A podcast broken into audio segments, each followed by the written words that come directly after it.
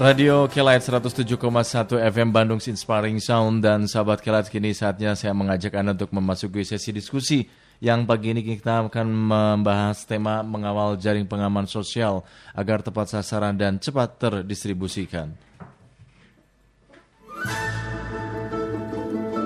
Di tengah situasi darurat kesehatan pandemi corona sekarang ini mulai muncul berita-berita human interest tentang orang-orang yang dirundung kesulitan. Ekonomi yang seperti roda tidak bergerak membuat sebagian masyarakat semakin terjepit dalam keprihatinan. Hari ini makan apa, besok makan apa, besok apakah masih bisa makan, dan sebagainya.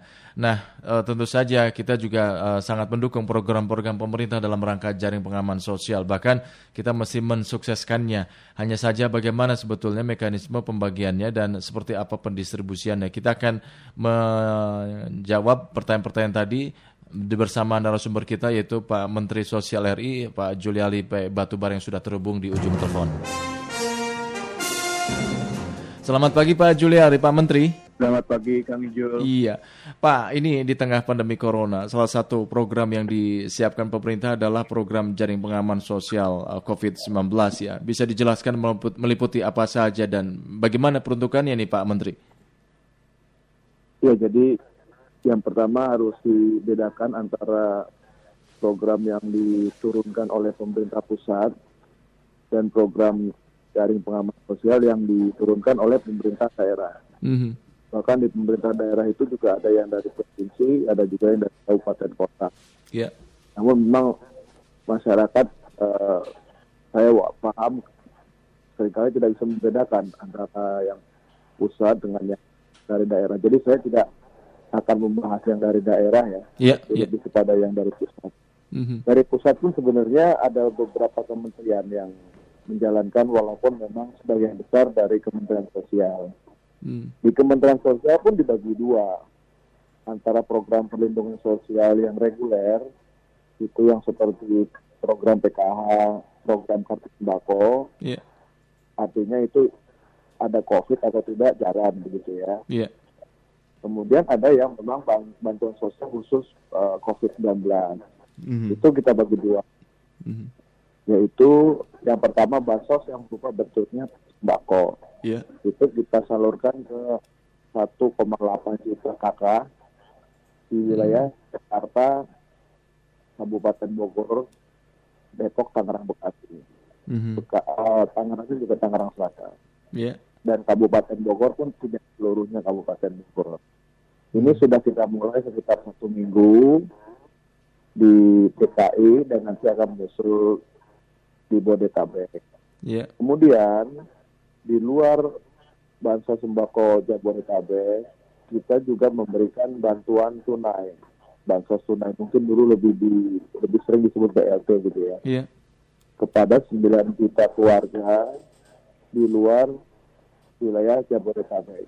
Mm -hmm itu sudah mulai tapi belum terlalu banyak daerah yang kita salurkan karena Kang Ijul ini menyangkut pendataan yang harus hati-hati juga hmm. karena ini tidak bisa dibedakan dengan seperti dulu-dulu misalnya bagi-bagi sembako ke seribu dua ribu orang gitu ya yeah. ini yang kita bagi ini jutaan keluarga hmm. jadi ya pasti yang namanya ada yang tidak tepat sasaran, salah kirim itu pasti ada lah. Hmm, hmm. Kalau 100% sempurna saya kira nggak mungkin hmm. karena yang namanya data itu pasti ada distorsinya begitu. Yeah. Namun kami juga apa namanya memberikan eh, nomor-nomor pengaduan ya yang kami sudah siapkan juga ada dari email, ada nomor telepon yang nanti mungkin bisa digunakan oleh masyarakat apabila menemukan uh, bansos sembako atau penyalurannya kurang tepat sasaran atau hmm. bansos tunai yang penyalurannya kurang tepat sasaran begitu kan itu ke nomor berapa Pak Menteri uh, sebentar saya nggak terlalu hafal oh. juga nih hmm. ke nomor kalau no, untuk untuk WA-nya ya yeah. 0811 ya yeah. 10 ya yeah. 222 ya yeah. 10 Oke. Ini yang untuk Ini WA nih. Oh WA, oke. Okay. Kalau emailnya bansos COVID-19 disambung ya. Uh -uh. Bansos COVID-19 disambung huruf kecil semua. Iya. Yeah. At kensos.go.id. Hmm. Oke. Okay. At kensos.go.id. .go.id. Hmm. Oke. Okay. Nah, tolong kalau ada pengaduan agak lengkap begitu nama, alamat, apa permasalahan. Kalau perlu ada foto-foto jadi hmm. kita bisa kadang-kadang kan orang ngadu kan namanya kadang-kadang nggak ada yeah. pengaduannya di mana nggak jelas begitu. Hmm, jadi alamat kemudian daerah mana dan sebagainya foto itu harus dilampirkan ya Pak Menteri ya. Iya sehingga bisa kita cek langsung di lapangan hmm. apakah betul memang pengaduan tersebut hmm. uh, sudah apa namanya sesuai dengan hmm. Hmm. yang diadukan gitu. Pak Menteri, uh, yang terkini progresnya sudah sampai tahap mana ya Pak? Mengingat uh, ini Eh, beberapa hari lalu sudah ada warga yang kelaparan sampai meninggal karena sama sekali tidak memperoleh pendapatan selama pandemi corona itu, Pak. Uh, sudah sejauh mana ini uh, programnya ini? Ya, memang kita baru mulai untuk yang dari pemerintah pusat ya. Saya saya nggak bisa komentar yang untuk pemerintah daerah karena saya nggak tahu ya. Mm -hmm. Yang pemerintah pusat baru mulai mm -hmm. karena ini begini, uh, mungkin sedikit teknis sedikit ya, karena ini menyangkut anggaran yang memang kan belum pernah disiapkan sebelumnya. Iya. Yeah. Artinya begitu ada uh, bencana pandemik COVID-19 ini, kan pemerintah harus memutar anggaran, ya. mm. merealokasi anggaran yang tentunya memiliki, memerlukan proses. Sehingga ada proses, begitu proses selesai, baru kita bisa jalankan programnya. Yeah. Nah juga hal lain yang perlu diperhatikan uh, masyarakat adalah pengadaan hmm. pengadaan untuk uh, paket sembako sekian juta itu tidak mudah. Yeah, yeah. Ya artinya kita sekali lagi bukan membeli paket sembako untuk seribu dua ribu orang ini jutaan keluarga. Mm-hmm. Ya. Nah sehingga pengadaan juga tidak mudah dan karena juga harus diingat kan sekarang sudah banyak yang PSBB. Jadi mm-hmm. artinya proses-proses pengantaran apa segala macam itu memang tidak seperti normal. Mm-hmm. Jadi uh, mohon masyarakat juga perlu paham, kita juga paham kesulitan yang ada.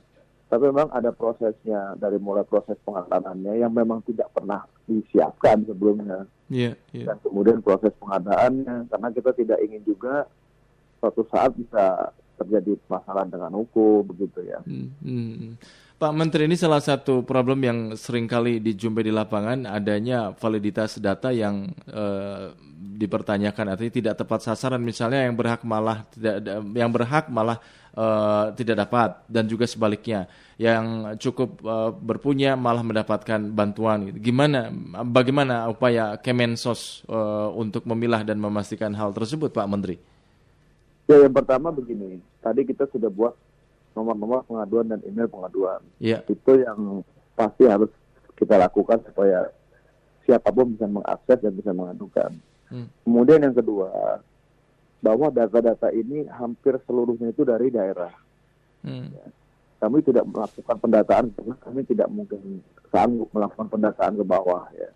Yeah. Nah sehingga apa namanya aparat di daerah dari mulai uh, yang paling atas sampai yang paling bawah yang melakukan pendataan memang harus benar-benar bisa objektif dalam memberikan pendataan. Hmm. Tapi juga begini, saya juga tidak menyalahkan petugas yang melakukan pendataan sepenuhnya.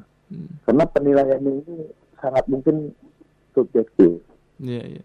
Kita kan juga sekarang nggak tahu siapa yang paling layak, siapa yang layak, siapa yang kurang layak, siapa yang tidak layak kan kita juga itu semuanya hampir subjektif kan itu. Mm -hmm. Jadi uh, kita hilangkan juga keinginan untuk kesempurnaan begitu loh. Yeah. Yeah. Artinya uh, karena tidak mungkin kita bisa memuaskan semua masyarakat dan apa namanya uh, sempurna dan harus diingat juga kita harus bergerak cepat. Hmm. Kalau kalau kita tidak cepat rakyatnya pasti ribut. Hmm. Kalau kita tidak tepat rakyat juga pasti ribut. Jadi kita itu sekarang itu itu tepat sekali kan itu. Hmm. Pekerjaan yang saya kira tidak mudah. Hmm, yeah. Nah kalau saya bilang sama uh, apa namanya uh, tim saya saat ini yang penting tepat nomor satu, tepat nomor dua. Hmm. Hmm. Sehingga kalau tepat uh, tidak tepat bisa kita perbaiki. Kalau lambat lebih lebih banyak protesnya nanti dibanding yang apa senang. Jadi hmm. harus mungkin ada yang didahulukan. Saat hmm. ini kami lebih mendahulukan kecepatan dibanding ketepatan karena kalau ketepatan diadukan bisa kita tadi tidak lanjuti hmm. atau ya misalnya ada orang yang layak diberikan bahasa sembako ya saya kira dia sebaiknya dia kembalikan lah untuk dia kasih untuk dikasihkan kepada orang yang lebih layak hmm. begitu.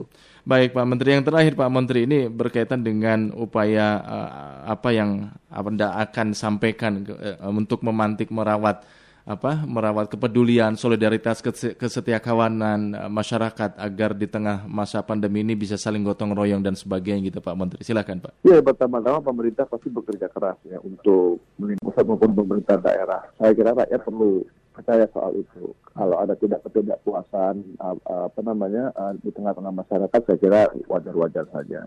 Yang kedua, yang kita juga lupakan adalah marilah kita tingkatkan kegotong royongan kita solidaritas sosial kita, kesetiakawanan sosial kita.